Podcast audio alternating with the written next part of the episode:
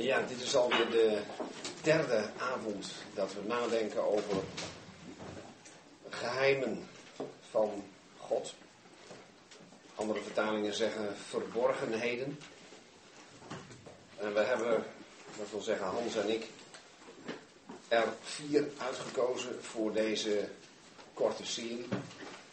We zouden er, als we ze allemaal zouden behandelen, tot 12 en volgens sommigen zelfs tot 14 kunnen komen. Dus er is geselecteerd. En dat is denk ik goed om nog eens eerst even met elkaar na te denken over de vraag: wat is nou ook alweer zo'n verborgenheid, zo'n geheim of zo'n geheimenis? Ik eh, zal niet veel over Grieks praten bij dit soort avonden, maar nu moet het even toch. Ehm, het woord dat Paulus steeds gebruikt voor dit soort dingen is een woord dat jullie allemaal zullen herkennen in het Nederlands. Als hij het heeft over een geheim, een verborgenheid, dan gebruikt hij het Griekse woord mysterium. Nou, daar hoor je gelijk, neem ik aan, het Nederlandse woord mysterie in. En ook de Britten, die hebben het dan over een mystery. En de Fransen over een mystère. Dus dat, we snappen elkaar allemaal dan.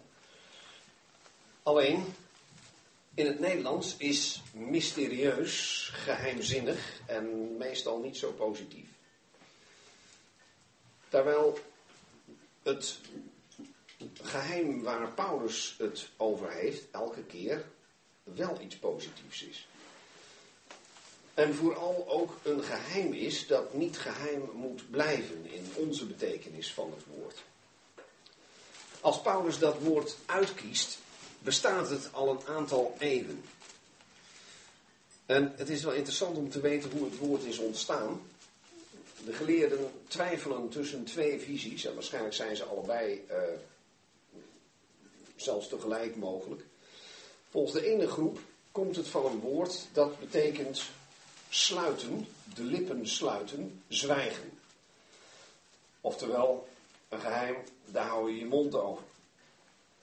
En dat is begrijpelijk, hè? dat kennen wij ook, anders is het geen geheim meer. De andere groep zegt, het komt van een woord dat betekent inwijden.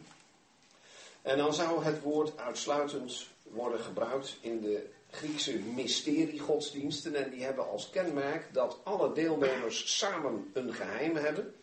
En dat geheim is het inwijdingsritueel. Dat zou dus betekenen dat het iets is alleen voor een selecte groep ingewijden. Nou, gelukkig kunnen we zeggen, in het Nieuw Testament is de hele heidense voorgeschiedenis van dit woord weggevallen. Speelt niet meer mee.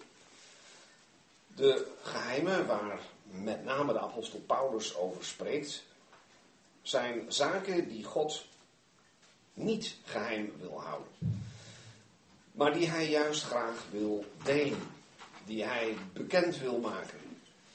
En niet zozeer aan een kring ingewijden, want het christendom kent geen inwijding.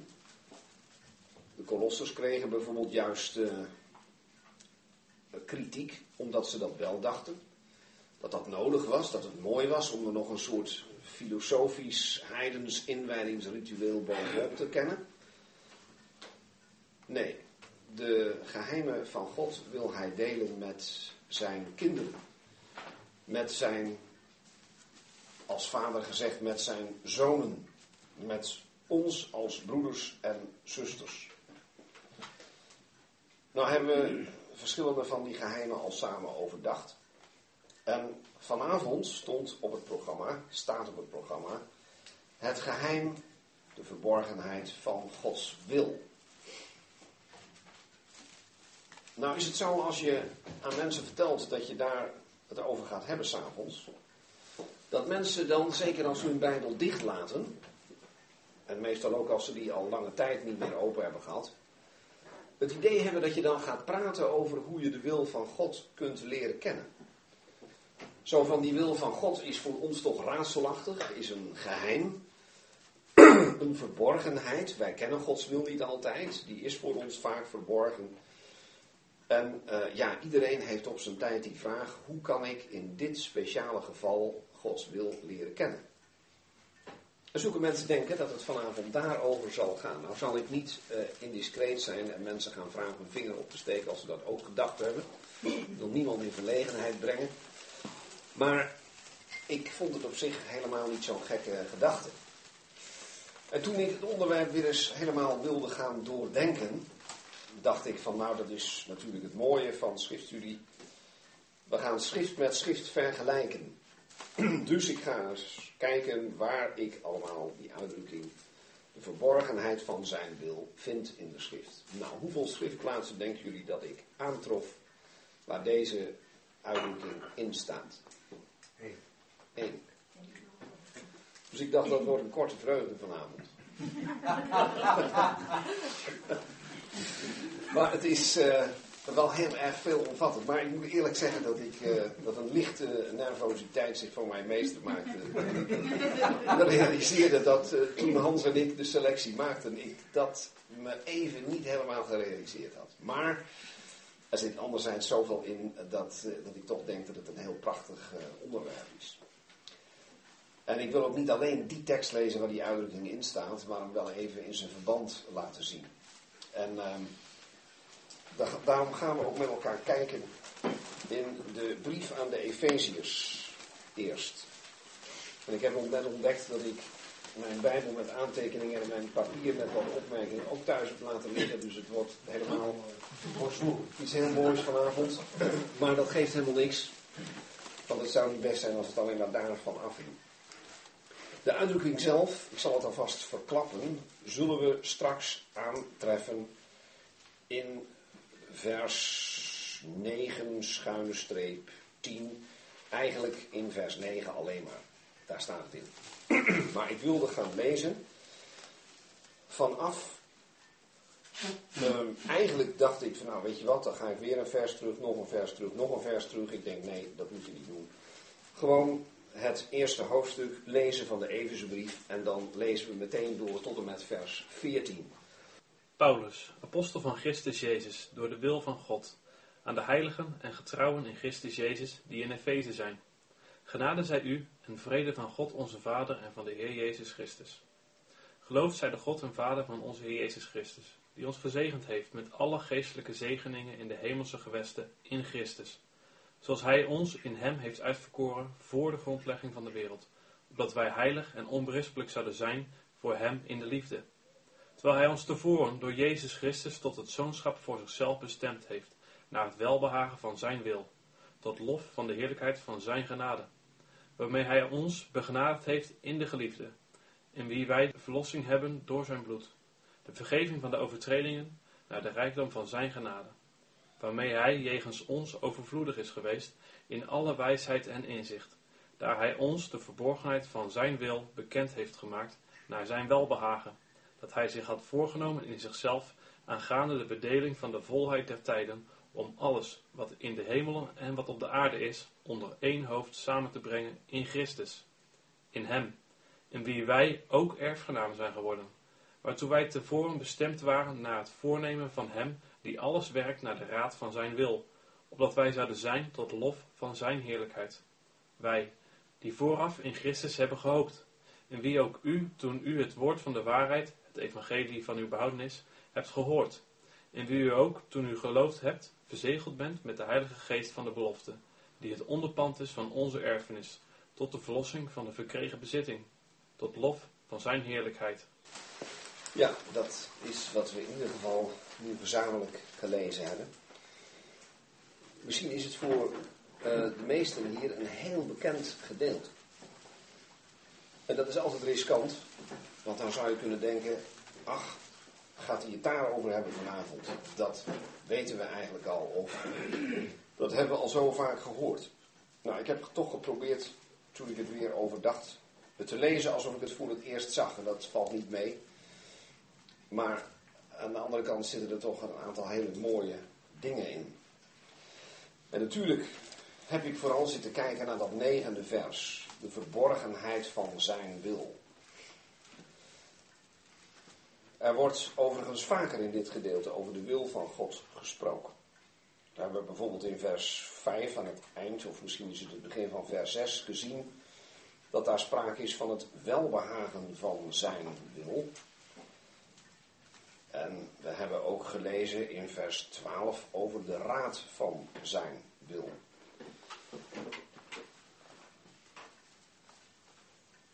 En dat negende vers valt midden in een betoog.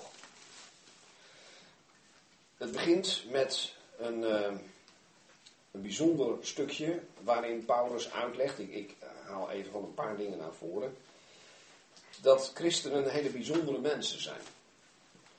In vers 3 gaat hij dat vertellen, maar eerst geeft hij God de eer. Hij zegt gezegend of geloofd zij de God en Vader van onze Heer Jezus Christus, die ons gezegend heeft. Hij spreekt dus over en tot gelovigen. Gezegend met alle, elke geestelijke zegening, alle geestelijke zegeningen in de hemelse gewesten in Christus. Ik ga niet elk woord daaruit benadrukken, maar wel erop wijzen dat Paulus daar schrijft dat wij een heel bijzonder soort zegeningen hebben gekregen en die noemt hij hier geestelijk. En geestelijk staat vaak tegenover aards. Niet per se vleeselijk, alsof het slecht is, maar er zijn ook aardse zegeningen. En daar zijn we ook net zo goed dankbaar voor. Maar die zijn, als ik het zo uh, mag zeggen, niet gelijk verdeeld.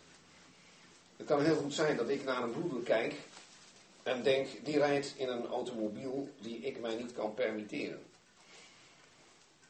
En het kan zijn dat een andere moeder kijkt naar mijn huis en denkt, tja, dat zou ik toch nog even wat langer voor moeten sparen. En als wij kijken naar christenen in andere delen van de wereld, dan zullen ze allemaal naar ons kijken en zeggen, die mensen die zijn toch wat de aardse dingen betreft rijker gezegend dan wij. Maar over dat soort zegeningen gaat het in vers 3 niet. We zijn gezegend met geestelijke zegeningen.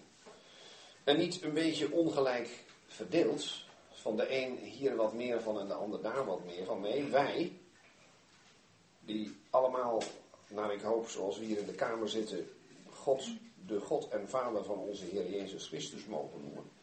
Wij zijn gezegend, stuk voor stuk en gezamenlijk, met alle of elke geestelijke zegening. En die zegeningen hebben we ontvangen in een persoon. Aan het eind van vers 3. In Christus. Dat is degene om wie het in dit hoofdstuk met name gaat. Als God zegent, als hij geestelijke zegeningen uitdeelt, dan doet hij dat in Christus. En eigenlijk begint daarna al een opsomming van die geestelijke zegeningen. Hoewel Paulus dat niet zo opschrijft als wij het zouden doen. Dat hadden wij graag gehad. Wij hadden er graag een soort leerboek van willen maken. Van die geestelijke zegeningen zijn de volgende. Punt 1, punt 2, punt 3. En er is geen enkel Bijbelboek op die manier opgebouwd. En dat is misschien maar goed ook. Want dan zouden sommige mensen denken, oh dat is een dorre opzomming. Er zijn nog mensen die worden al geïrriteerd als je met uh, nummering werkt, met streepjes, opsomming, alsof het allemaal zo schematisch is. Nou, soms helpt dat wel, maar dan helpt het vooral als je dat zelf al lezend voor jezelf op een rijtje hebt mogen zetten. En het kan best zijn dat hier ook in de Kamer mensen zitten die zeggen, nou ik zou die indeling een beetje anders maken. Nou, dat is niet zo erg. Uh, dat kan ook heel goed. Maar ik heb toch het idee dat Paulus hier al vrij snel begint met te laten horen over welk soort zegeningen hij concreet het heeft. In vers 4 zegt hij, zoals hij ons in hem, dus weer in Christus, dezelfde als in wie we alle geestelijke zegeningen hebben, heeft uitverkoren voor de grondlegging van de wereld. Nou, daar zou je dus kunnen denken, één zo'n geestelijke zegening, niet een juk om moeilijk over te doen, een zegening, en een zegening is iets waar je voor dankt, is de uitverkiezing. Het feit dat hij mensen voor alle eeuwen, dus toen er nog geen zondeval zelfs was, heeft geselecteerd, heeft uitgekozen. Met een bepaald doel, vers 4b, opdat wij heilig en onberispelijk zouden zijn voor hem in de liefde. Ja, en dat laatste kunnen we bijvoorbeeld alleen maar zijn doordat God ons ook veranderd heeft. En hoewel Paulus dat woord hier nergens gebruikt, zou je kunnen zeggen, hij spreekt hier in feite ook over onze nieuwe natuur. Dan gaat hij door, vers 5. Het is eigenlijk één lange zin. En daar houden we tegenwoordig niet van. Wij knippen die zinnen op. Ehm, sommige uitgevers werken met streepjes, uh, met puntkomma's of ze veranderen bijzinnen in hoofdzinnen. Is allemaal niet verkeerd, maar als je wil weten wat er gewoon letterlijk staat, dan zul je moeten accepteren dat Paulus soms een hele lange zin schrijft en dat dus alles wat hij daar zegt met elkaar heeft te maken. Oftewel, als hij spreekt over het feit dat wij geselecteerd zijn speciaal, met als doel, vers 4, opdat wij heilig en onberispelijk zouden zijn voor hem in de liefde, dan is gelijktijdig daarmee gebeurd wat in vers 5 staat. Daarom beginnen we daar met het woordje terwijl. Terwijl hij ons tevoren door Jezus Christus tot het zoonschap voor zichzelf bestemd heeft. Dus er is nog iets. Behalve dat wij hier op aarde in staat zouden zijn en geselecteerd zijn om heilig en onberispelijk te zijn voor Hem, heeft Hij ons op datzelfde moment ook heel speciaal voor zichzelf bestemd. En nou staat er een keer niet in Christus, maar door Jezus Christus. Tot het zoonschap voor zichzelf. Oftewel, je zou kunnen zeggen in het verlengde van het voorafgaande, dankzij die nieuwe natuur, die verandering, en de mogelijkheid om hier op aarde Hem te zichtbaar te maken, Hem te manifesteren, heeft Hij ons ook in een bijzondere betrekking tot zichzelf geplaatst. En dat wordt in vers 5 aangeduid met het zoonschap. Het stellen tot zonen. Hij heeft ons als zonen geadopteerd. Voor zichzelf. Helemaal speciaal voor Hem. En dat is niet verkeerd. Als wij iets helemaal voor onszelf alleen willen hebben, dan hebben wij al heel jong geleerd dat dat niet goed is. als een klein kind jarig is en zijn moeder zet een taart op tafel en dat kind zou zeggen: Jongen, jongen, is die taart helemaal voor mijzelf alleen? Dan wordt dat kind onmiddellijk uitgelegd dat dat nou ook niet de bedoeling is. Dat er nog wat vriendjes komen die ook blij zijn dat hij jarig is en die ook een stukje van die taart krijgen. Natuurlijk zal hij van zijn eigen stukje heerlijk smullen en het leuk vinden dat anderen dat ook doen. Het is niet voor hemzelf alleen. En zo leren wij al jong dat we onze gewone zegeningen van het dagelijks leven, laten we zeggen de aardse zegeningen, dat dat toch heel plezierig is om ook die met anderen te delen. En dat geldt eigenlijk ook voor onze geestelijke zegeningen. Als we met elkaar over spreken, dan genieten we er samen van, dan zijn we samen dankbaar. Maar als God heel speciaal voor zichzelf een gezelschap heeft dat hij zonen noemt, dan staat er expliciet bij, dat heeft hij niet voor anderen, dat heeft hij voor zichzelf. Tot het zoonschap voor zichzelf bestemd. En waarom? Vers 6, ik sla expres even een woordje over. Daar is dan sprake van zijn wil. Overeenkomstig, en dan zou je even een woordje moeten skippen en dan zeggen zijn wil. Oftewel, omdat hij dat nou één keer wil. En als God iets wil, is het standaard goed. Hoeven we niet over te twijfelen. En ik hoop dat iedereen die hier zit er zo ook over denkt. Ook al begrijpen we Gods wil niet. Als God iets wil, is het goed, want God is goed. God kan niet iets verkeerds willen. En wil ook voor ons niet iets wat niet goed voor ons is. Maar mijn vader wilde vroeger ook wel eens iets waarvan ik misschien niet meteen zag dat het goed was. En als ik dan vroeg waarom ik dat moest doen, en ik was nog niet zo oud dat hij al op niveau kon converseren, dan was het einde van alle tegenspraak, als ik lang genoeg had doorgedramd, Horus, het gaat zo omdat ik dat wil. Nou, dan wist je als je dat hoorde, dan had het ook geen zin meer om nog verder te praten. Daar uh, moest je je dan in leren schikken. En naarmate je ouder wordt, wordt er natuurlijk wat meer uh, uitgelegd waarom iets beter wel of niet kan gebeuren. En je zou dus kunnen denken, nou God heeft dat allemaal gedacht en bedacht voor ons. en specifiek voor zichzelf in overeenstemming met zijn wil. En die is goed. Maar er staat bij dat God dat ook nog fijn heeft gevonden. Daar staat naar het welbehagen van zijn wil. Het woord welbehagen is een beetje deftig woord, maar het betekent God heeft er behagen in. God schept er behagen in. God vindt het fijn. Dus God wil iets wat hij fijn vindt. En wat hij fijn vindt, wil hij ook. En dan is het iets wat wij nooit zouden bedacht hebben, namelijk dat er hier op aarde een gezelschap is dat in een betrekking van zoon tot een vader staat. God heeft het gewild, hij heeft er vreugde in. En dan met een doel opnieuw, vers 6. Tot lof van de heerlijkheid van zijn genade. Ja, want die wil van God en die vreugde die hij daarin had, daar was één grote hinderpaal voor. En dat is dat wij helemaal niet in overeenstemming waren met God. Wij waren nog helemaal niet in staat om te doen wat God toch al voor zich zag en graag wilde. Wat we in vers 4 al gelezen hebben, namelijk heilig en onberispelijk zijn voor Hem. Wij waren niet heilig, wij waren niet onberispelijk, wij stonden schuldig.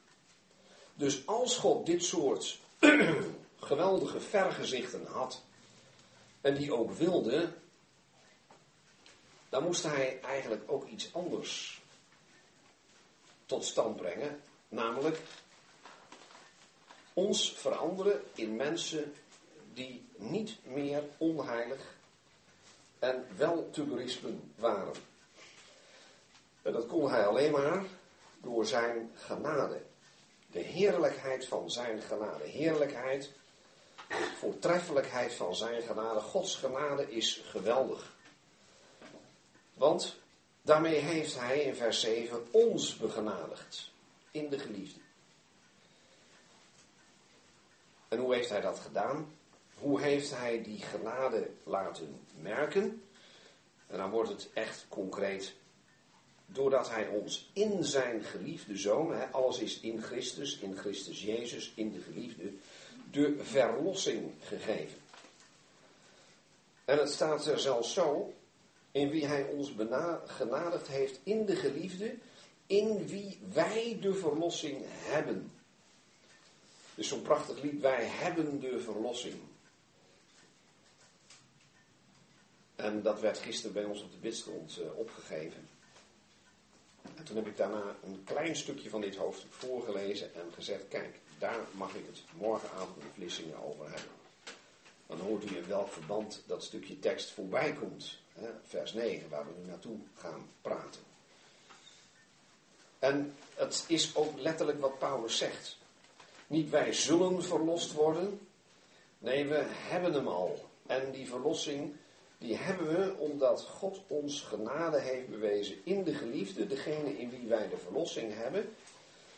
En dan zou je nog met een heerlijk blij gezicht kunnen denken van geweldig, en dat is ook terecht dat je dat denkt. Maar er staat wel achter door zijn bloed. En dat betekent dat er iemand, dat Christus gestorven is. We kennen allemaal de beroemde tekst uit Hebreeën 9, dat er zonder bloedstorting geen vergeving is. En daar is deze schriftplaats hiermee in overeenstemming. We hebben de verlossing door zijn bloed. Ook dat zou je een geestelijke zegening kunnen, hebben, uh, kunnen noemen. Want we hebben al even gekeken. We zijn toen tot en met het zoonschap gekomen. En toen hebben we gezien, er is ook ons een hele grote hoeveelheid genade bewezen. En hoe is, heeft die genade uh, handen en voeten gekregen? Doordat wij verlost zijn. En dat is door zijn bloed. En dan wordt uitgelegd in vers 7 waar die verlossing op neerkomt. De vergeving van de overtredingen. En dan zou je kunnen denken, nou, wie veel vergeven is, heeft veel lief. En wie weinig vergeven is, heeft weinig lief. Heeft God dan als maatstaf genomen het aantal overtredingen om ons genade te bewijzen? Dat zou kunnen. Als God dat gedaan had, zouden wij best blij zijn. Maar zo schrijft de apostel het niet. Hij zegt, God heeft dat gegeven naar de rijkdom van zijn genade. Waarmee hij jegens ons overvloedig is geweest. Met andere woorden, de maatstaf was niet de nood van de zondaar, ons verleden, maar was Gods heden, Gods eeuwig rijk zijn. En die rijkdom van Gods genade, die heeft hij overvloedig over ons uitgestort, als ik het even in mijn woorden mag zeggen. Dus Gods rijkdom, Gods overvloed, dat was de maatstaf. En met alle eerbied gezegd, God stond klaar. God heeft gepopeld om mensen die schuldig stonden, die genade te bewijzen. Niet zomaar even, tekortdoend aan zijn eigen heerlijkheid, maar daar is bloed voor gevloeid. Het bloed van zijn zoon. Zijn geliefde zoon, die hij hier als de geliefde heeft aangeduid. En die genade moest over ons komen, wilden we ooit door hem kunnen worden geselecteerd om hier op aarde zo te wandelen als tot eer van hem is. En in die betrekking komen waar we zojuist aan hebben gedacht. En dan zie je dat God verder gaat dan dat wat nodig was om ons vanuit een positie van schuld weer op nul te zetten. Voordat we hier deze avond hadden, hadden Iris en ik een gesprekje en het ging over mensen die in een schuldsaneringstraject eh, terecht waren gekomen. Nou, dat is triest. Dat betekent mensen hebben eh, door allerlei oorzaken soms enorme schulden. Overheidsinstanties bemoeien zich daarmee. Die eh, leggen beslag op inkomsten. Die zorgen dat er een klein deel overblijft om te leven. En de rest gaat naar de schuldeisers. En na een aantal jaren vervalt de schuld. En dan hebben de schuldeisers in ieder geval nog iets. Wat zo'n instantie niet doet, is zulke mensen rijk maken. Die mensen staan uiteindelijk weer op nul. Eerst stonden ze op min. En daarna staan ze weer op nul. Dat is geen overvloed van genade. Dat zou niet goed zijn, denk ik, in dit geval, even puur aards gezien. Want die mensen moeten juist leren niet meer uit te geven dan ze krijgen. Dan ze ontvangen, dan hun inkomen is.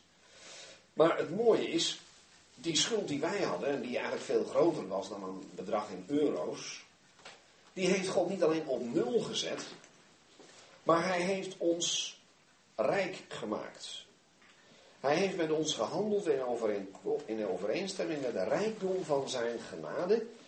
En hij is jegens ons overvloedig geweest. En dan zou je zeggen, nou oké, heer, geweldig.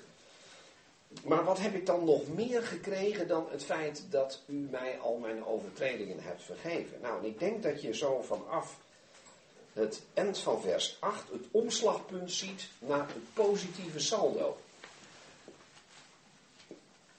En eigenlijk is dat positieve saldo al enigszins opgezond in de verse hieraan voorafgaand. Het is alsof Paulus zich al schrijvend heeft gerealiseerd, maar dan moest wel eerst even iets anders plaatsvinden. En nu gaat hij verder. Daar, uh, sorry, waarmee hij jegens onze overvloedig is geweest in alle wijsheid en inzicht. Een zondaar die net tot bekering is gekomen, die is al lang blij dat die drukkende schuld van zijn geweten af is. Die dankt God voor de vergeving van de overtredingen. Maar die heeft nog geen enkel idee hoe schatrijk God hem eigenlijk heeft gemaakt.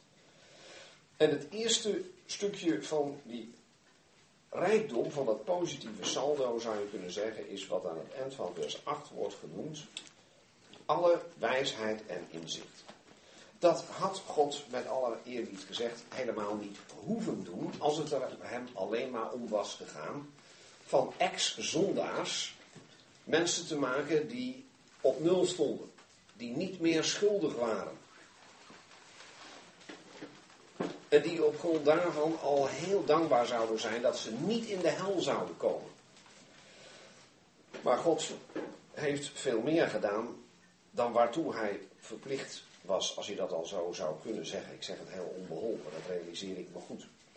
Maar hij heeft een schat aan wijsheid en inzicht. En wat is dat voor wijsheid? Betekent dat dat gelovigen allemaal een gigantisch hoog IQ hebben? Waardoor ze allemaal met een sneltreinvaart door de basisschool en de middelbare school staan, gaan en allemaal uh, een paar academische graden halen. Met het grootste gemak, overvloedig in alle wijsheid en inzicht. Nou, we weten gewoon dat dat niet zo is.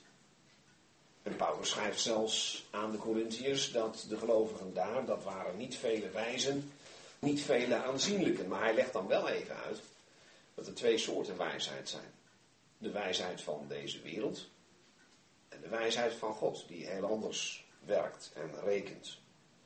Hier zegt de apostel niet dat er twee soorten wijsheid zijn, maar hij zegt: Ik zal jullie even laten horen wat ik bedoel met die wijsheid waarmee God jegens onze overvloedig is geweest, in alle wijsheid en inzicht, daar hij ons de verborgenheid van zijn wil bekend heeft gemaakt. Het geheim van zijn wil. Die verborgenheid is zijn wil. Oftewel, God heeft nu eindelijk een groep mensen op aarde met wie hij dingen kan delen die hij in eerdere geslachten met mensen niet heeft gedeeld. Waar hij niet met mensen over heeft gesproken. Daarmee heeft hij gewacht totdat Paulus zijn dienst heeft aanvaard.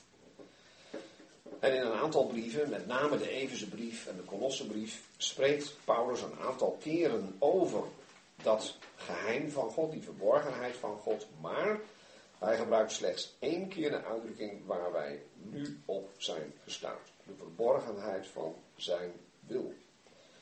Het geheim van zijn wil. Dat geheim dat hij niet voor zichzelf wilde houden, een geheim tussen Vader, Zoon en Heilige Geest. Maar een geheim dat hij graag wilde delen met mensen. En dat ik niet zomaar heb gefantaseerd, staat ook meteen in ditzelfde vers, want er staat dat hij ons de verborgenheid van zijn wil bekend heeft gemaakt. En niet omdat het moest, maar ook hier staat weer in vers 9, naar zijn welbehagen. Aan het eind van vers 5 of het begin van 6 was al sprake over het welbehagen van zijn wil. Als God iets wil, is het niet tegen heug en meug, maar omdat hij het fijn vindt. En ook hier is sprake van het bekendmaken van de verborgenheid van zijn wil naar zijn welbehagen, vers 9, dus in overeenstemming met zijn welbehagen. God heeft daar vreugde in om met mensen te vertellen wat nou zijn uiteindelijke streven is. Als je mensen in de wereld vraagt, wat is nou jouw uiteindelijke doel? Dan zullen ze bijvoorbeeld zeggen, als ze nog op school zitten, nou, dat ik met goed resultaat mijn opleiding afrond. Op zich ook niks mis mee. Ook gelovigen die op school zitten hebben dat doel als het goed is. Maar als dat het enige doel in je leven is, die opleiding af te ronden, die graad te verwerven, die baan te krijgen. Nou, er is volgens mij niks mis met een beetje ambitie. Maar als dat het enige is, is het jammer. En zeker als gelovigen, als je ze aan vraagt, alleen dat hebben. En niet het idee hebben, ik zou eigenlijk ook wel graag geestelijk willen groeien. Meer voor de Heer willen betekenen in de manier waarop ik Hem aanbid, waarop ik Hem dien, waarop ik laat zien op deze planeet dat ik hoor bij Hem die daar verworpen is, wiens gezag ik toch wil erkennen. God heeft graag iets willen delen met mensen die begrijpen waarom dat voor hem zo belangrijk is om over het onderwerp te gaan spreken dat nu gaat komen. Wat is nou Gods speciale wil? Zijn ambitie? Waar is alles wat hij bedenkt en nastreeft en wat als doel voor hem ligt. Wat is daar nou zo bijzonder aan dat hij ons heeft willen bekendmaken? Nou, er staat dus al eerst bij dat het naar zijn welbehagen is. Niet omdat het moet, maar omdat hij het fijn vindt. En nou wordt Paulus langzamerhand wat concreter. Dus de verborgenheid van zijn wil bekend heeft gemaakt naar zijn welbehagen. En dan wordt er van dat welbehagen gezegd dat hij zich had voorgenomen in zichzelf aangaande, en nu horen we waar het over gaat, de bedeling van de volheid der tijden. Nou, daar staat een moeilijk woord, het woord bedeling. En het helpt volgens mij niet echt als je zegt dat dat letterlijk huishouding betekent. Hoewel moeder Henk Medema in een toespraak een keer dat zo heeft uitgelegd en toen iets uit mijn eigen huishouding als voorbeeld heeft gebruikt. Hij had namelijk bij ons gegeten, vooraf aan de lezing, net zoals ik dat vanavond hier heb gedaan. En hij had ontdekt, omdat hij wel vaker bij ons geweest was, dat altijd als hij kwam, dat het dan zaterdag was, daar is op zich niks mis mee, maar dat wij dan ook nasi aten. En hij zegt dat is iets dat hoort bij de huishouding van de familie Kramer. Dat er op zaterdag, want daar was hij inmiddels wel achter op nasi gegeten wordt. En dat had hij goed gezien. Dus toen hij de broeders en zusters ging uitleggen wat een bedeling was, zei hij: God heeft verschillende huishoudingen met speciale kenmerken. Alleen niet huishoudingen zoals wij ze kennen. Maar hij bedoelde daarmee te zeggen bepaalde perioden in de geschiedenis met steeds hun eigen karakter. En dan is de link met een gewone huishouding niet eens zo makkelijk te leggen. Want je zou kunnen zeggen, in de huishouding bij ons thuis, ja, dan regelen Corrie en ik zo'n beetje hoe dat gaat in goed overleg. En daar komen dan meestal wel uit. Nou, een van de dingen waar we onmiddellijk uit waren, is datgene waar ik het net over had. Dat op zaterdag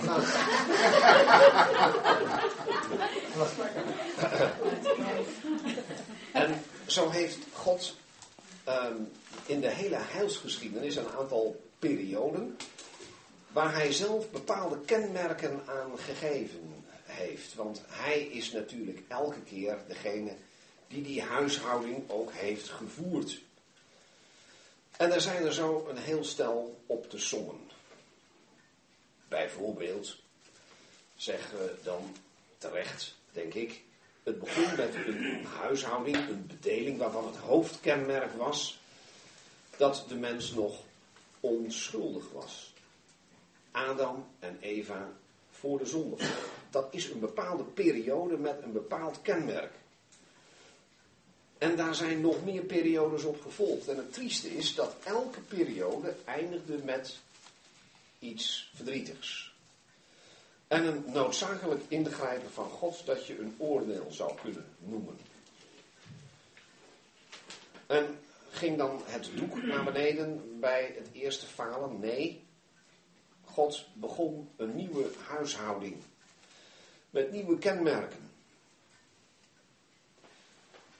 God begon met de mens weer een bepaalde verantwoordelijkheid te geven, maar we weten allemaal dat op een gegeven moment de mens het zo slecht had gedaan dat God moest oordelen en de zondvloed gaf.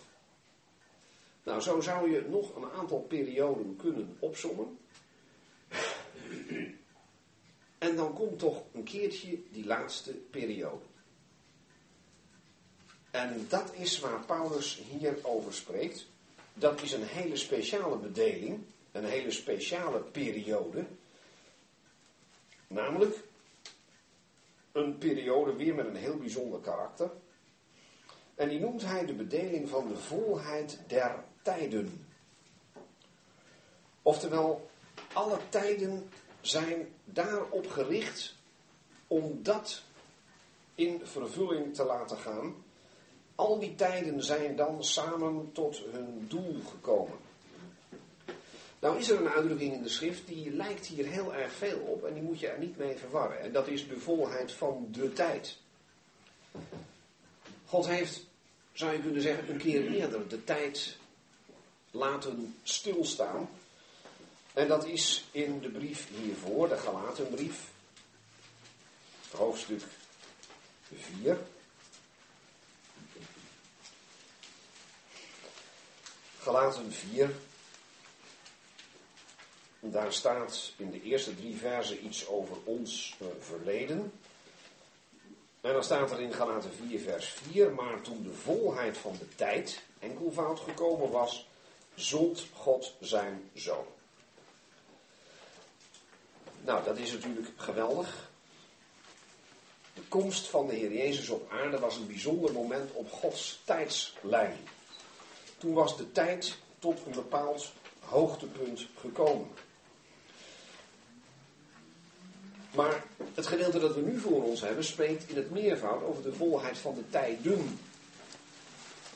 Alle door God gegeven en geregeerde tijdperken zullen uiteindelijk hun doel, hun volheid bereiken in die periode die nog moet komen.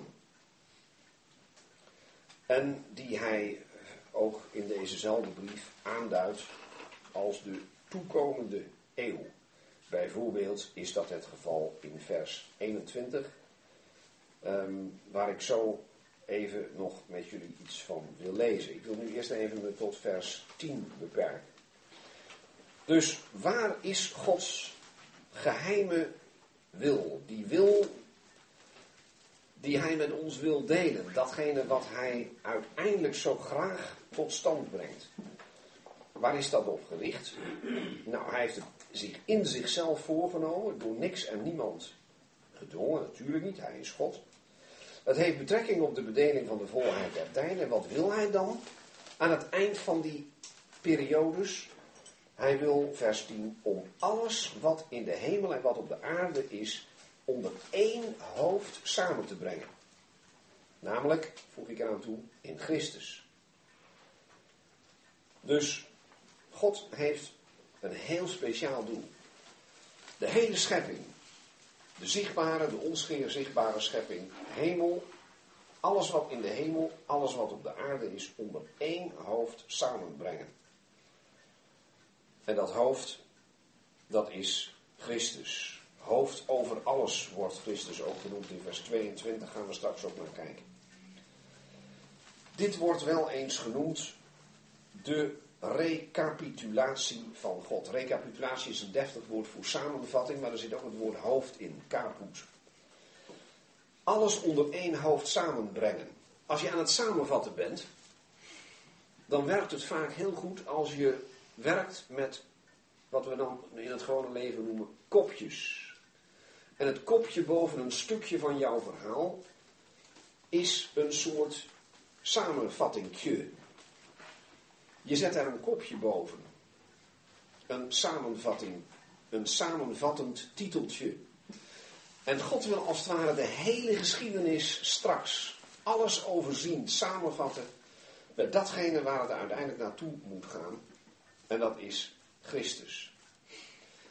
Met mijn leerlingen op school lees ik soms een tekst van een Latijnse of een Griekse schrijver. En dan is de tekstuitgave zo gemaakt dat er soms in het Nederlands al boven gaat, staat waar het over gaat. En dan zeg ik altijd, jongens, wat verschrikkelijk jammer dat dat er nou boven staat. Want ik had het zo graag met jullie gewoon ontdekt, gewoon gelezen, dat je niet alvast wist, oh, dat gaat er straks gebeuren. Maar ja, hoe is het met die uitgevers of die schrijvers van die boeken? Die willen laten zien dat zij ook ervoor doorgeleerd hebben. En dus die zetten dat er alvast boven. En uh, nou, wat ik dan wel eens als opgave geef, dat ik zeg van uh, toon op grond van de tekst aan dat het kopje hierboven correct is. En soms ook ben ik ondeugend en zeg ik toon op grond van de tekst die daar volgt aan dat dit kopje uh, slechts de helft van het verhaal is. Of een enkele keer, als ik ondeugend ben, zeg ik feitelijk onjuist is. Dan moeten ze nog veel beter kijken. Maar goed, eh, dat is een zwak voorbeeldje. God heeft als het ware, maar in alle volmaaktheid, in overeenstemming met zijn heilige wil, met alle vreugde die hij heeft, ook een titel willen schrijven boven de hele heilsgeschiedenis. Die hele heilsgeschiedenis beschrijft hij vervolgens. Maar hij laat alvast zien, kijk, daar gaat het uiteindelijk om. En hij zegt eigenlijk, de titel is Christus. Het ene hoofd. Alles kun je samenvatten onder hem. Maar dat gaat ook in letterlijke zin zo. Want al die tijdperken zullen uiteindelijk tot een afsluiting komen in een heel speciaal tijdperk, een hele speciale bedeling. En dat is de bedeling van de volheid der tijden. Je zou dus kunnen zeggen de laatste bedeling, waar alle andere bedelingen uiteindelijk op zouden uitlopen. En dat is de tijd dat alles wat in de hemel en op aarde is onder één hoofd samengebracht is. En dat is Christus. Hij is dus degene die dan ook zichtbaar gaat regeren. Nou, dat is de periode die we al aanduiden als het vrederijk, het duizendjarige rijk, dan zal dat werkelijk zo zijn. En dan zou je zeggen, nou dat is geweldig dat God ons dat wil vertellen. Dat wist Abraham niet. Abraham wist heel veel. Abraham werd een vriend van God genoemd. dit heeft God bewaard om met een ander gezelschap van mensen te delen. Mensen die hij ook tot het zoonschap voor zichzelf heeft bestemd. En dat laatste komt pas nadat God zijn eigen zoon gezonden had. Inderdaad, in de volheid van de tijd. Enkelvoud, zoals we in Galaten 4 lazen. En toen God dat gedaan had, toen heeft die ene zoon vele zonen tot heerlijkheid willen leiden. En dat gezelschap van zonen, ook zusters, klinkt een beetje raar wat ik nu zeg, vallen onder diezelfde categorie zonen, hoewel er ook een plaats is in 2 Korinthe waar ze zonen en dochters worden genoemd. Dat is meer zoals wij het zouden zeggen. Maar dat hele gezelschap dat in de betrekking van zoonschap staat tot de vader, heeft God iets willen meedelen waarvan hij als het ware gedacht heeft, dat kunnen zij alleen maar begrijpen omdat ik inmiddels mijn grote zoon gegeven heb. Zij zullen begrijpen, zij zullen van mij mogen horen dat dat degene is in wie de hele geschiedenis zal samenkomen. Hij zal het hoofd zijn van alles. Maar, dat weten is al geweldig. Maar, zegt de apostel in het stukje dat hierna komt, God betrekt ook ons erin. Je zou kunnen zeggen, het geheim van God bevat twee delen. God heeft eigenlijk een dubbel geheim. Het gaat daarin over Christus. Het gaat daarin ook over ons. En beide wil God vertellen. In hem wordt het samengebracht, alles, vers 11. In wie wij ook erfgenamen zijn geworden. Waarvoor, waartoe wij tevoren bestemd waren. Naar het voornemen van hem die alles werkt naar de raad van zijn wil. Daar wordt niet het woord geheim gebruikt, maar de raad van zijn wil. Dat bewuste wilsbesluit dat God genomen heeft en dat deel uitmaakt van een systematisch geheel. De raad van zijn wil. Wij kunnen soms de ene dag iets willen en de andere dag niet meer. Soms omdat we ontdekken dat wat we gisteren wilden niet goed is. Of we moeten het aanpassen door gewijzigde omstandigheden. Dat hoeft God nooit. Als God iets wil, maakt het deel uit van zijn raadsbesluit, zijn totaal aan plannen. Volstrekt, volmaakt, planmatig denken en handelen. Dat is wat God doet. Hij werkt alles naar de raad van zijn wil. En dat het daar over ons gaat, blijkt ook uit het vervolg. In vers 11 staat. Weten jullie wel zeg ik even met mijn woorden, dat jullie dat op een bijzondere manier zullen meemaken. Als alles onder één hoofd samengebracht is, dan gebeurt dat onder de heerschappij van Hem, in wie ook wij, in wie wij ook erfgenamen zijn geworden. Paulus gaat hier niet in op de aard van die erfenis, dat doet hij elders. Maar in dit verband kunnen we het rustig zeggen als wij in Hem erfgenamen zijn geworden, dan betekent dat wij samen met Hem heerschappij voeren over dat wat Hij erft. En dat is de hele schepping. Hemel en aarde. Alle dingen. Hij hoofd over alles. Wij erfgenamen in Hem. Ja, zegt Paulus, dat maakt ook deel uit van dat totale, planmatig uitgedachte raamwerk van Gods gedachten God is degene die alles werkt naar de raad van zijn wil. En dan komt weer die merkwaardige uitdrukking die we ook al zagen in ehm, het stukje over de uitverkiezing.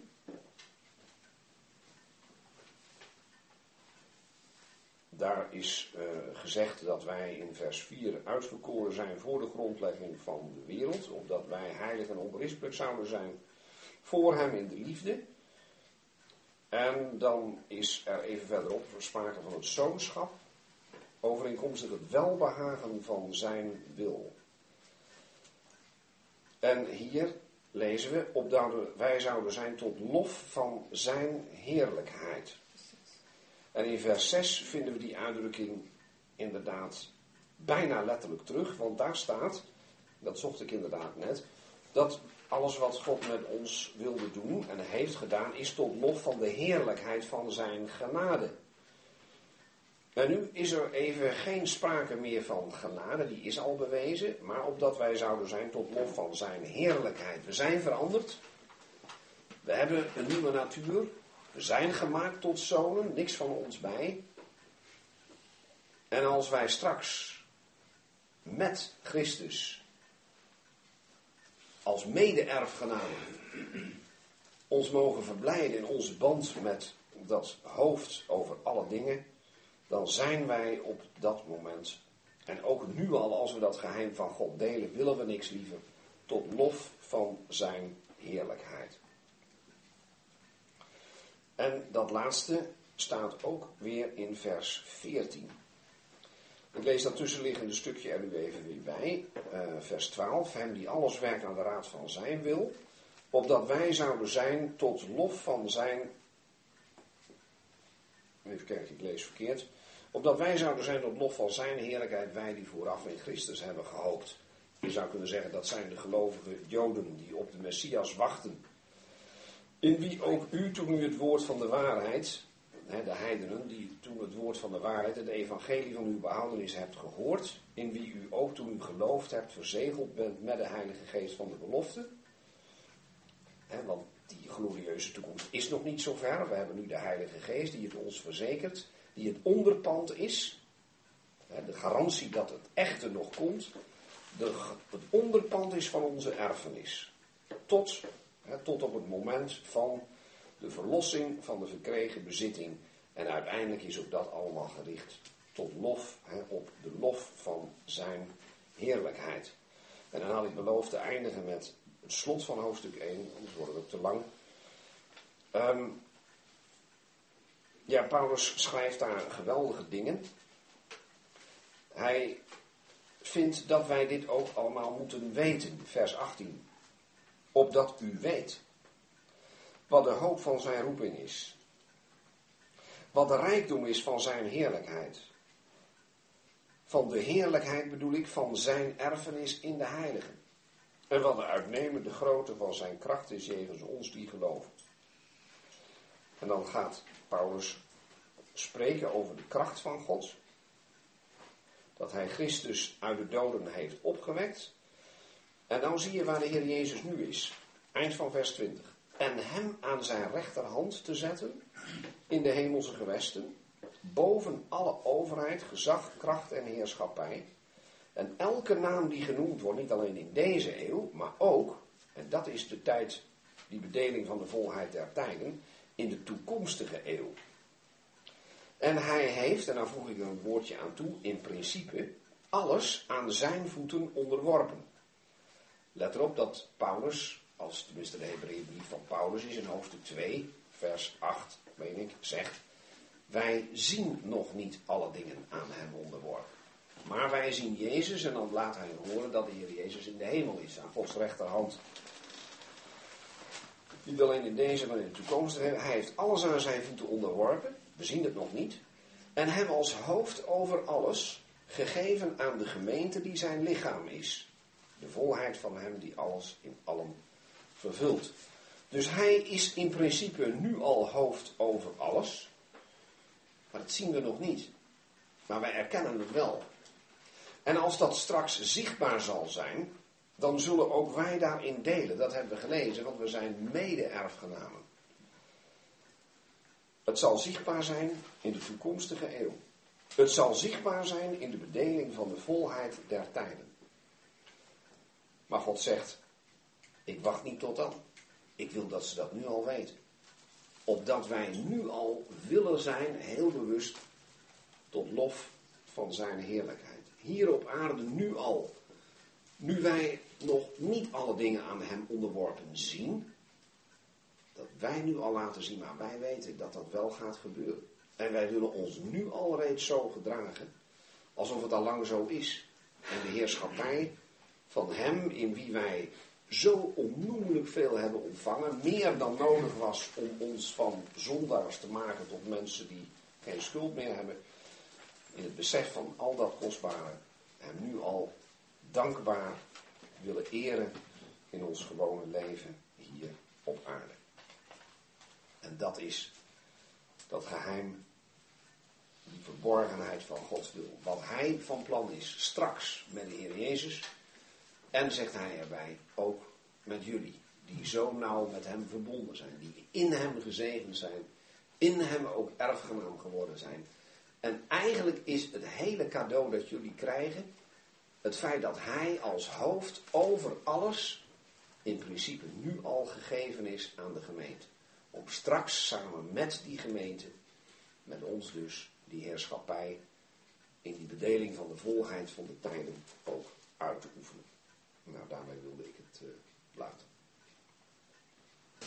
Ja, ik heb uh, ontdekt dat ik, uh, dat ik deze bijbeltas nog niet zo lang heb. Nog een geheime rits had.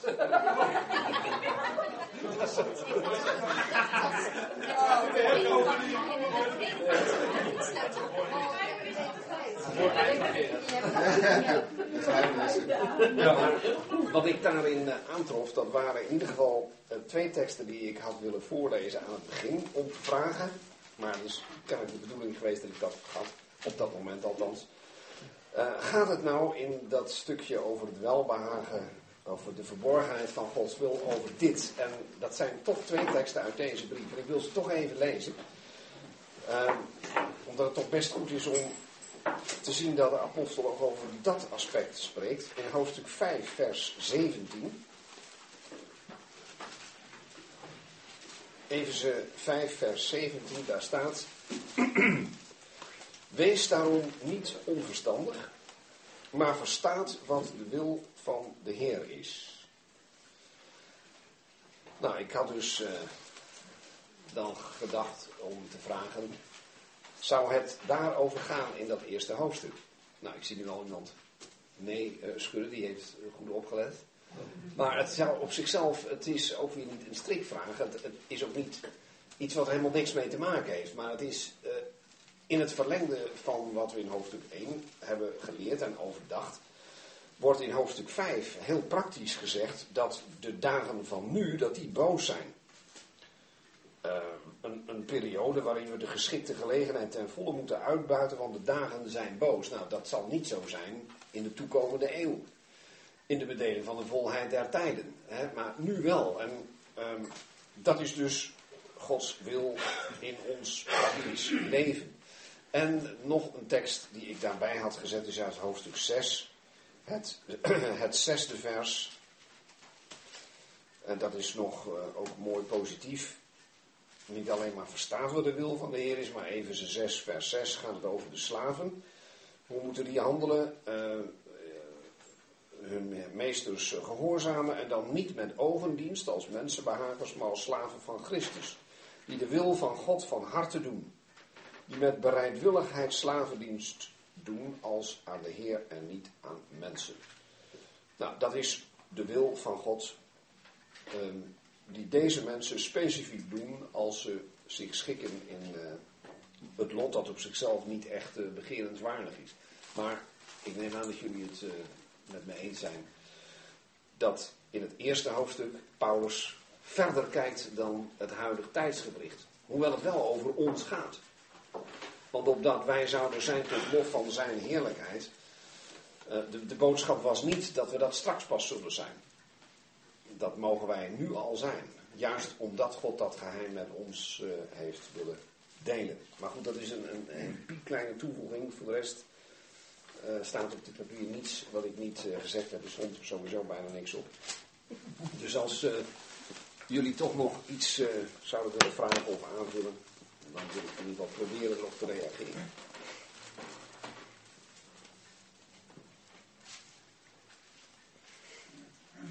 Was ook in het Oude Testament geen verborgenheid dat Christus zou regeren. Nee, zeker niet. Ehm, in vers 11, of eh, aan het eind van vers 10, heb ik wel eens gehoord, maar dat kun je dan misschien bevestigen, dat je daar zou kunnen, of misschien moeten lezen, grond van het Grieks dan, dat alles wat in de hemel en op de aarde is onder één hoofd samen te brengen in de Christus, waarmee dan bedoeld zou worden Christus en de gemeente. En, dat is dan de verborgenheid. Ja, Je hebt het wel aangeduid met eh Ja. die de erfgenamen zijn. ja, En ook, dan komt het nog wel sterk tot uiting aan het eind van het hoofdstuk. Dat de gemeente een lichaam is. En een hoofd en een lichaam ja, eh, zijn uiteraard samen in de regering. ja. Ja, ik, heb, eh, ik ken die gedachte. En ehm, toen wij de Telos-vertaling eh, maakten, eh, ik ben veel vergeten van wat wij samen besproken hebben, maar dit niet. De heren hebben we namelijk een heel systematisch onderzoekje aan gewijd. Omdat wij dachten, als dit zo is, en ik heb die gedachte ook vaak eh, gelezen, dan zou je daar misschien een voetnoot aan moeten wijden om dat uit te leggen. Hoewel we voorzichtig zijn met uitlegkundige noten. Nou, wat we toen gedaan hebben is, en dat is nogal een klus geweest, want in het hele Nieuw Testament, en dan zou je beperken door de brieven van Paulus, als je alle keren waar sprake is van Christus met een lidwoord, eh, zo zou lezen, dan merk je gewoon dat het niet klopt, dat het wringt. En dus ehm, ben ik zelf voorzichtig met dat argument. Ik zou hooguit zeggen van nou, hier zou je dat kunnen denken, maar dan op basis van de plaatsen die jij net noemt. Eh, het woord Christus is aan de ene kant een titel, de Christus, de Messias, de gezalfde. Maar het komt ook zonder lidwoord voor. En zelfs dan kun je er niet te veel uit afleiden, want eigennamen hebben in het Grieks ook een lidwoord. En de ene keer worden ze erbij gezet en de andere keren niet. En dat is best lastig om daar systemen te ontdekken. Er is zelfs een keer iemand eh, die eh, zijn openbare reden als eh, docent Nieuw-Testamentisch Grieks aan een universiteit is begonnen met een reden en die had als titel Wie het kleine niet eert. En dat ging over het lidwoord bij eigennamen.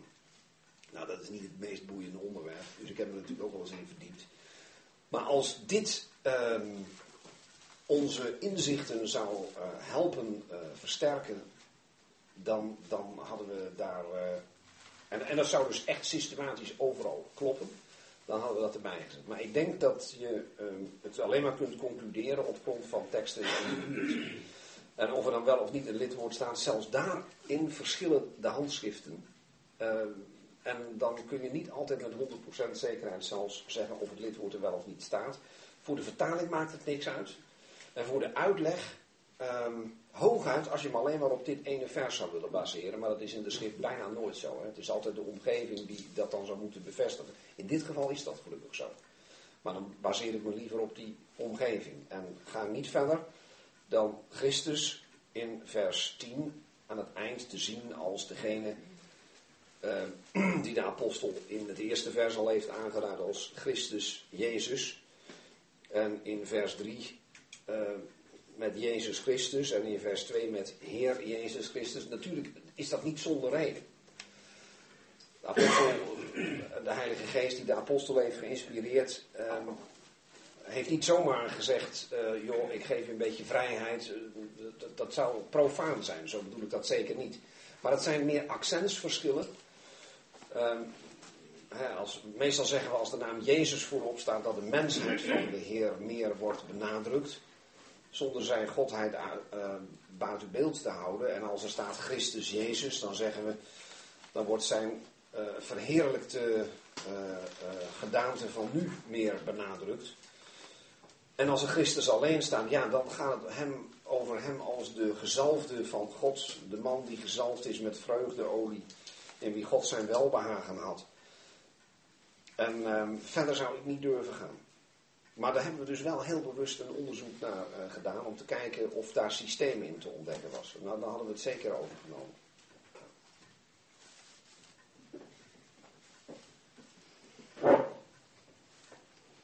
Ook nog een vraag. In vers 5 bestaat dan voor zichzelf bestemd. Zo heb ik uitgelegd. Ja. In de MBG staat dat we heilig en onwezenlijk zouden zijn voor zijn aangezicht. Voor hem. staan we voor hem. Ja. Dat is heel anders. Ja. Gaat daar twee. Ja, en het klinkt heel vreemd dat ik dat zeg. Dat scheelt, ehm, hoe zeg ik dat, zonder technisch te worden, dat scheelt de stand van één klein kommaatje boven een letter. Ik zal het verschil laten horen. Het is het verschil of er staat autooi, dan betekent het voor hem, of houtooi, dan betekent het voor hemzelf. En het verschil is bijna niet te zien en in de handschriften worden juist bij dat soort versen eh, soms eh, kleine eh, verschillen zichtbaar. Met andere woorden, het is soms heel moeilijk te achterhalen wat het is. Vaak kijken we dan naar de omgeving. En er zijn mensen die zeggen, in dit geval, waar zo vaak sprake is van in hem en voor hem, zou dat in vers 5 eh, ook kunnen. En dan is het. eh, dan zou je dus niet dat zichzelf moeten benadrukken, maar voor hem. Bedoelt men dan God? Dan is het toch zichzelf. Bedoelt men Jezus Christus? Lijkt mij iets minder waarschijnlijk, hier in dit geval. Hoewel ook Christus vreugde heeft in het feit dat hij vele zonen eh, in zijn omgeving heeft. Maar het is dus een piepklein verschil. En ehm, het is zo'n klein tekentje dat eh, de kans dat daar iets fout gaat, er ho- hoeft maar iemand een beetje in het schemer duister eh, gezeten te hebben, het licht gezien te hebben.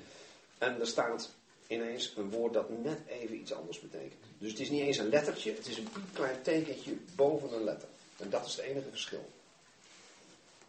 En dan is eh, de veiligste optie eh, kijken naar de omgeving. En eh, ook naar wat zou in het verband goed passen. En soms moet je gewoon erkennen, en misschien hadden wij dat wel moeten noteren zelfs, want nieuwere tekstedities van het Griekse Nieuw Testament, die schrijven hier inderdaad niet zichzelf, maar hem. En eh, zo van, we denken toch dat dat de oorspronkelijke schrijfwijze is geweest. Nou, er zijn voor beide eh, argumenten. En eh, ik vind dat voor zichzelf eigenlijk best heel erg mooi. Ik heb het ook bewust, eh, ik ben hier niet over begonnen. Omdat ik zelf ehm, de gedachte van dat God zonen voor zichzelf wil, prima vind passen in het verband. Het gaat namelijk de hele tijd over wat God doet in Christus. Weliswaar, maar voor zichzelf. Er is ook sprake van het welbehagen van zijn wil. Dus ik ben er eigenlijk zelf, ehm, zou ik zeggen, de weging van de argumenten zou bij mij toch doorslaan naar het zichzelf. Maar als we nou nog eens een keer die tekst zouden mogen uitgeven, dan zou er misschien een nootje komen dat eh, andere handschriften daar hem lezen.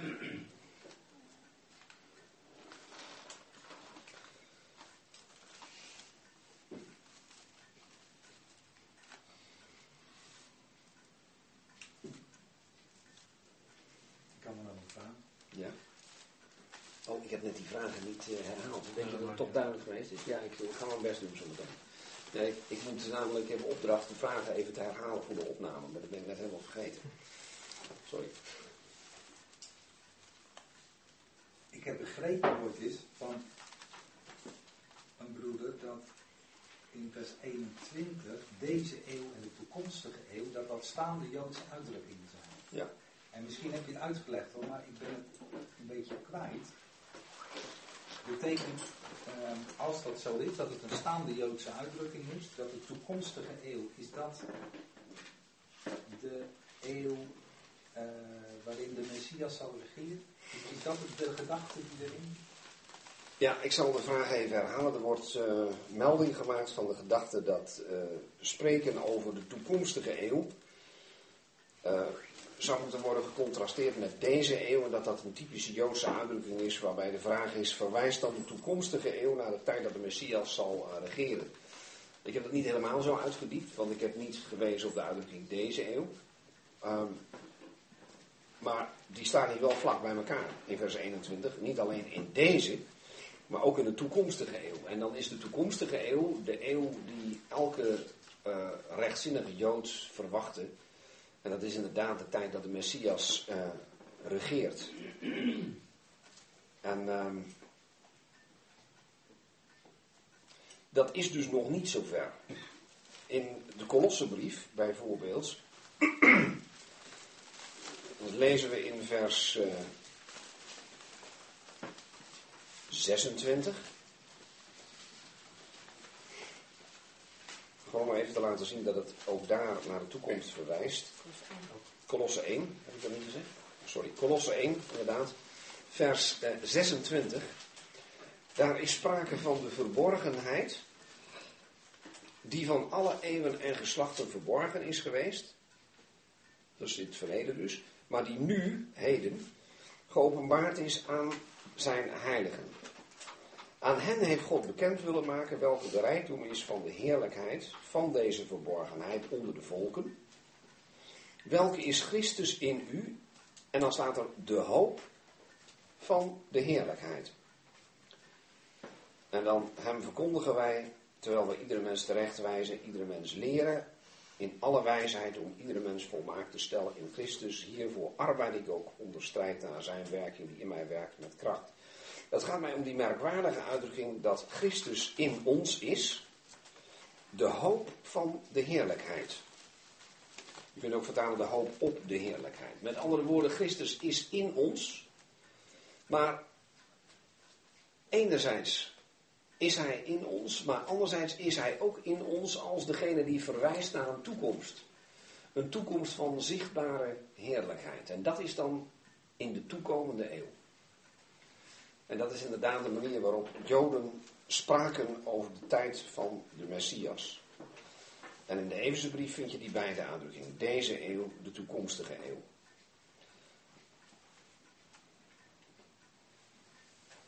We spreken hier eerst ook over in verband met de lastering van de geest. Ja. Die niet zal worden vergeten in deze eeuw. En niet in de En toekomst. in de toekomst. Precies. Ja, inderdaad. Dan vind je diezelfde twee uitdrukkingen. Maar waarom spreekt hij in Efeze 2 vers 7 dan over een alles overtreffende rijkdom met een toekomende eeuw? Ja, de komende eeuwen. Efeze 2, vers 7 wordt een vraag over gesteld.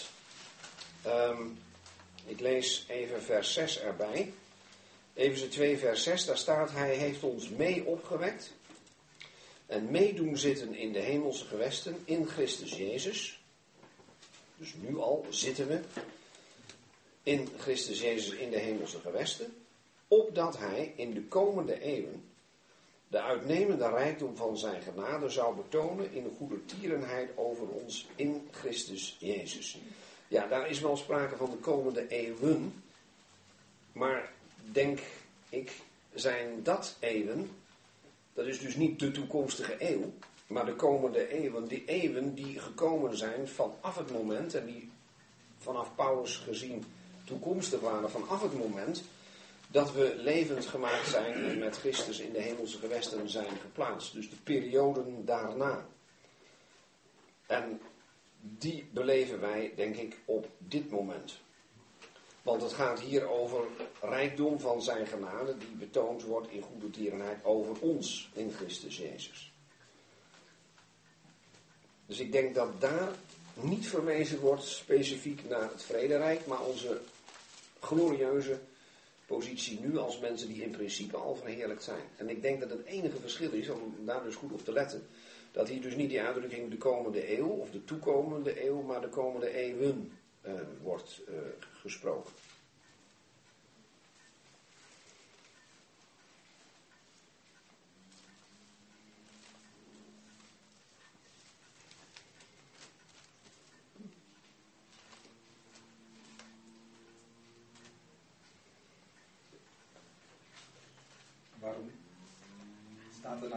Woordje bedeling en soms het woordje eeuw? Ik heb begrepen dat het.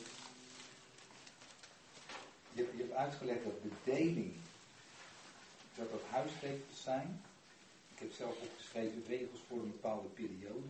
Ja, een periode met bepaalde regels. Zo je het Maar een aion is toch, Ja. eeuw is toch ook een, iets, een periode die gekenmerkt wordt door Ja. bepaalde Ja, de brief van Titus bijvoorbeeld. Het gaat dus, dus een vraag gesteld over eh, waarom nou de ene keer sprake is van eeuw en de andere keer van bedeling.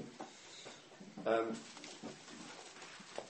als bedeling staat, dat kan op zich een periode van vele eeuwen zijn. Het woord eeuw in de schrift kan gewoon betekenen, net als bij ons, een periode van 100 jaar.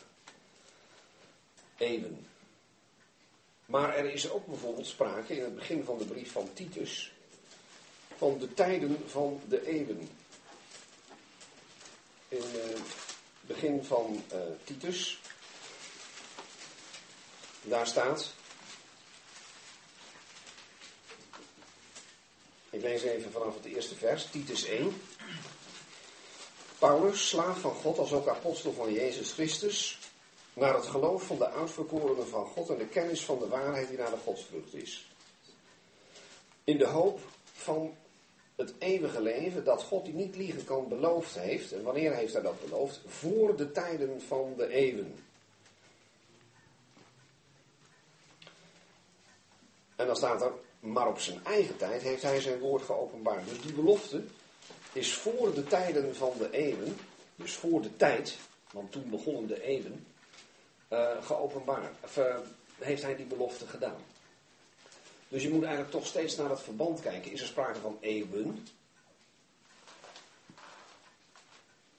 Zelfs kan dat eeuwigheden betekenen, want als er staat tot in alle eeuwigheid, dan staat er tot in de eeuwen der eeuwen. Dus het is eigenlijk zaak om elke keer goed te kijken naar het verband. En als er staat dat God dat voor de tijden van de eeuwen heeft beloofd, ja, dan is dat voorafgaand aan de periode die wij zo kenmerken. En dan kom je dus terecht zeg maar, in de eeuwigheid voorafgaand aan de tijd. Maar ook een, eh, een Griek gebruikte het woord soms voor niet alleen een letterlijke periode van 100 jaar, maar ook een periode van langere tijd die toevallig kan samenvallen met een bedeling. Maar dat hoeft niet. Maar staat er deze eeuw en de toekomstige dan zou je kunnen denken, oh dat is een denkwijze waarin men rekening houdt met slechts twee bedelingen. En dat, dat kan. Je kunt ook tijd eh, spreken over voor en na het kruis. Voor en na de wet. Dat zou naar Joods gebruik ook eh, aangeduid kunnen worden als een eeuw voor en een eeuw na. Hoewel de schrift dat zelden of nooit doet. Dus het verband is beslissend, denk ik.